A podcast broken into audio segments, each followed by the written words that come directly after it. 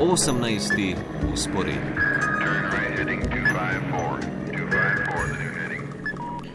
Odpravljamo se v Bosno in Hercegovino. Že pred začetkom ruskega napada na Ukrajino so bili odnosi med tremi konstitutivnimi narodi Bosne vse bolj napeti, po začetku vojne pa so se znašli na še bolj majavi podlagi z našim balkanskim dopisnikom Boštjanom Anžinom. Tako razmišljamo, kako bo prijateljstvo s Putinom vplivalo na politični položaj vodje bosanskih Srbov Milorada Dodika, kakšni so odzivi javnosti v Sarajevu in v Banja Luki na vojno ter kako se na razmere v Bosni odziva Evropska unija. Hkrati pa razmislimo tudi o manevriranju srpskega predsednika Aleksandra Vučiča, torej med eh, željami Rusije in zahodnih držav. Boštjan, pozdravljen. Lepo zdrav. Oglašaš se nam iz Banja Luke, eh, v teden si preživel v Bosni. Za začetek, kakšen je občutek, eh, kakšna je atmosfera na ulicah Sarajeva in Banja Luke? Videli smo proruske in tudi proukrajinske demonstracije. Hkrati pa ne, eh, je ta posebnost, da podobe vojne v Ukrajini najbrž pri ljudeh v Bosni prikličajo mnogo težkih, nikoli zares predelanih spominov. Eh, kako bi ti opisal trenutno javno mnenje? Ja, um, za začetek ne, zelo čustveno so doživljali vse to, ker kot si dejal, um, ne, so res marsi, v marsičem lahko potegnili usporednice, ne, recimo v Sarajevu uh, so mi veliko razlagali o tem, v bistvu, kako zdaj to, um, ta Kijev si oni predstavljajo zelo podobno kot Sarajevo, ne, da razumejo, kako je živeti v nekem mestu, kjer te vse čas granatirajo, kjer nimaš vode, elektrike in drugih stvari. Um, po drugi strani no, pa se je v bistvu no, mečkano umirilo recimo v zadnjih dneh. Ne. Bilo je bolj um, napeto na začetku te vojne, ko dejansko ni nihče vedel, ali bo res kaj pljusknilo nekam, kjer je recimo precejšen ruski vpliv, to seveda smo, imamo tukaj Srbijo, Republiko Srbsko, uh, pa še Črnogoro in še, še katero državo. Um, po drugi strani, no pa, kot si dejal, tudi zelo različne reakcije. Ne? Na eni strani imamo Bošnjake in Hrvate v Bosni in Hercegovini, ki so Eh, zares ostro obsodili to rusko agresijo, se zauzeli za sankcije, na drugi strani imamo Republiko Srpsko, ki ne vidi nobenega preciranega smisla v sankcijah, tudi zaradi sodelovanja z Rusijo in kjer je Milorad Dodik želel preprečiti tudi to jasno obsodbo Bosne in Hercegovine kot član predsedstva. V bistvu še zdaj no, ni, ni tega dejansko obsodil, on sicer govori o tem, da obsoja oziroma da podpira ozemljsko celovitost vseh držav, torej tudi Ukrajine in Rusije. Večkrat smo pa recimo lahko iz uh, srpskih političnih predstavnikov slišali, da bi tudi oni obsodili uh, napad Rusije na Ukrajino, če bi mednarodna skupnost kadarkoli obsodila napad na Jugoslavijo. Um, sicer pa tudi te demonstracije, no bom rekel tako, v Srbiji so morda celo uh, um, večje tiste, uh, ki so v podporo Rusiji, no, kot recimo tukaj v Banja Luki. Um, po drugi strani pa ja, um, veliko tudi izrazov podpore Ukrajini, recimo predvsem v Sarajevu, uh, v bistvu marsikje, ker so te spomini na vojno v Bosni in Hercegovini, zdaj visijo različni plakati v podporo, um, na njih recimo med drugim tudi piše Sarajevo razume.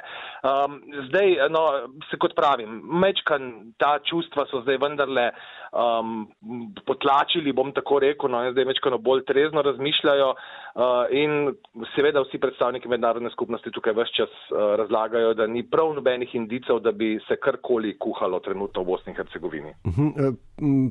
Pojdiva v še bolj politične vode. Eh, vojna v Ukrajini, kot rečeno, ne, na razmere v Bosni vpliva tudi zaradi prijateljstva med vodjo bosanskih Srbov, Miloradom eh, Dodikom in Vladimirjem Putinom. Eh, Dodik se je ob svojih tudi javno izraženih težnjah po odcepitvi Republike Srpske in ob blokiranju delovanja institucij v Bosni zanašal na politično podporo ruskih zaveznikov. Se zdaj karkoli spreminja oziroma mu prijateljstvo s Putinom, če poenostaviva, v tem trenutku škodi ali koristi?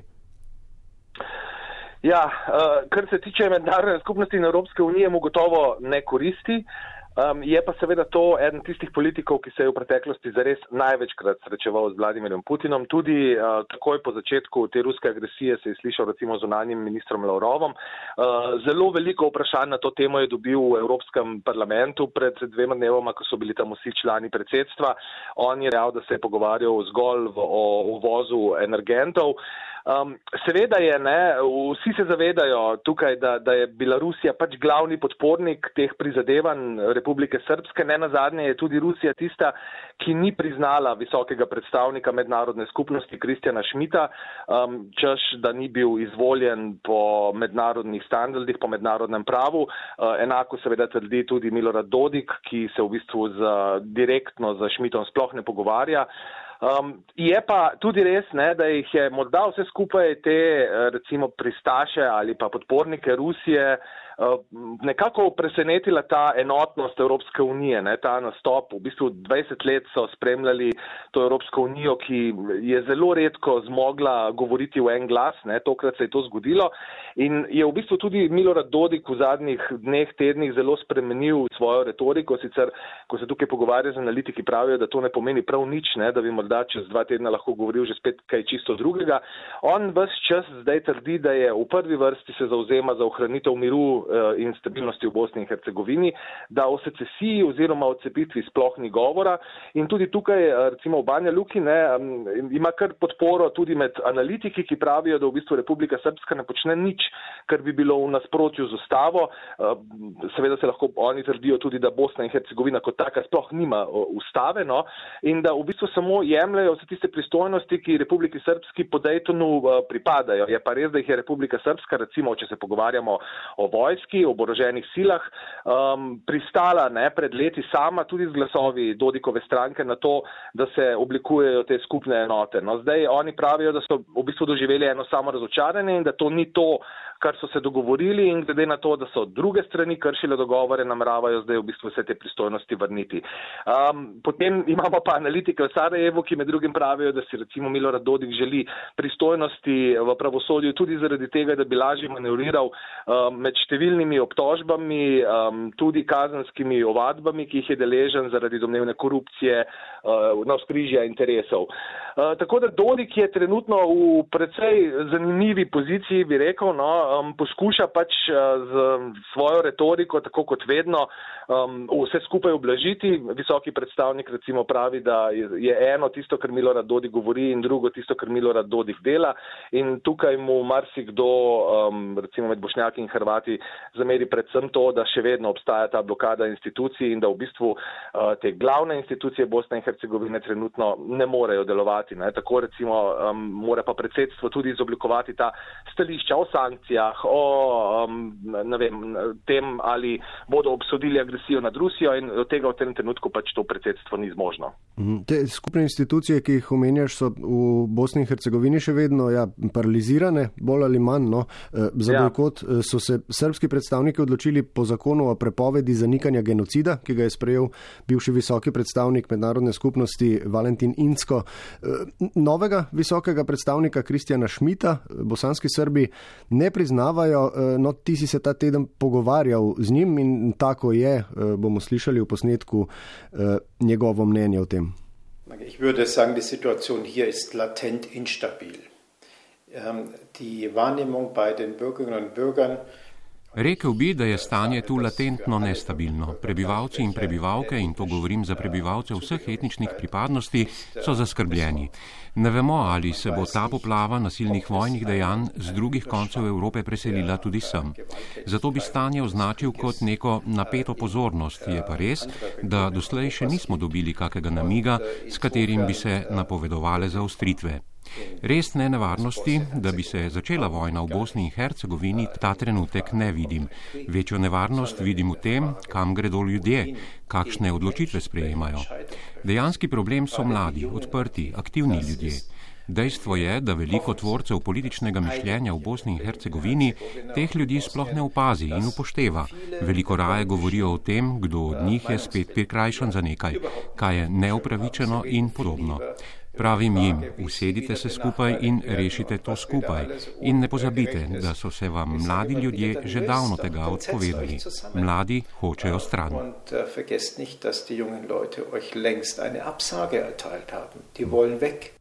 Boštjan, äh, kam lahko ta paraliziranost Bosne oziroma omenjenih skupnih institucij v tem trenutku pripelje in kakšna je vloga Evropske unije tukaj, kako lahko posreduje v tej situaciji?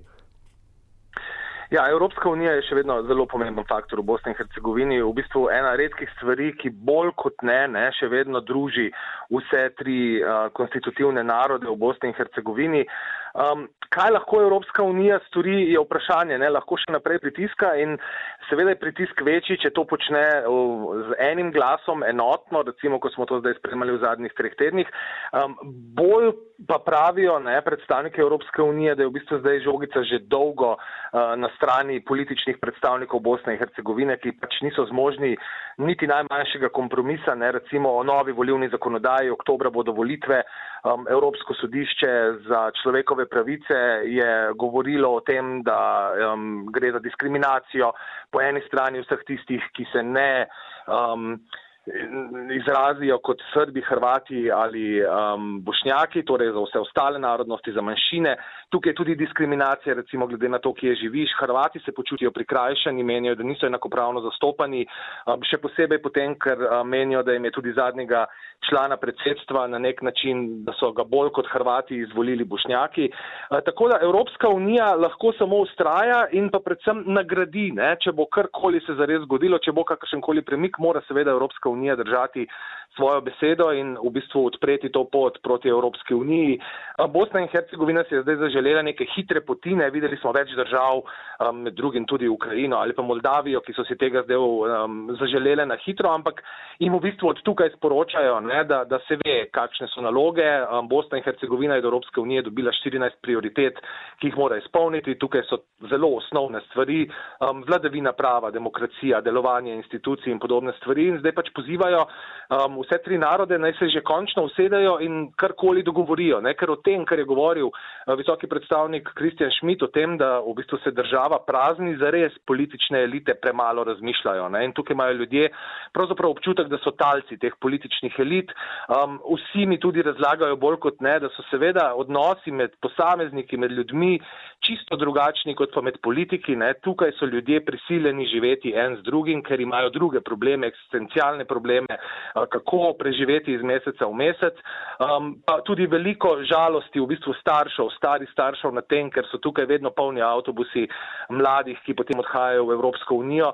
Um, Zaenkrat se še vračajo, potem, ko si bodo enkrat tam ustvarili družine, se pa marsikdo boji, da teh ljudi ne bo nazaj in um, kdo bo potem ne, tukaj skrbel za gospodarstvo, kdo bo uh, tukaj peljal državo naprej. Imamo recimo tri nove sveže obraze župane v Sarajevo, Mostarju, v Banja Luki. To je pa tudi bolj kot ne vse.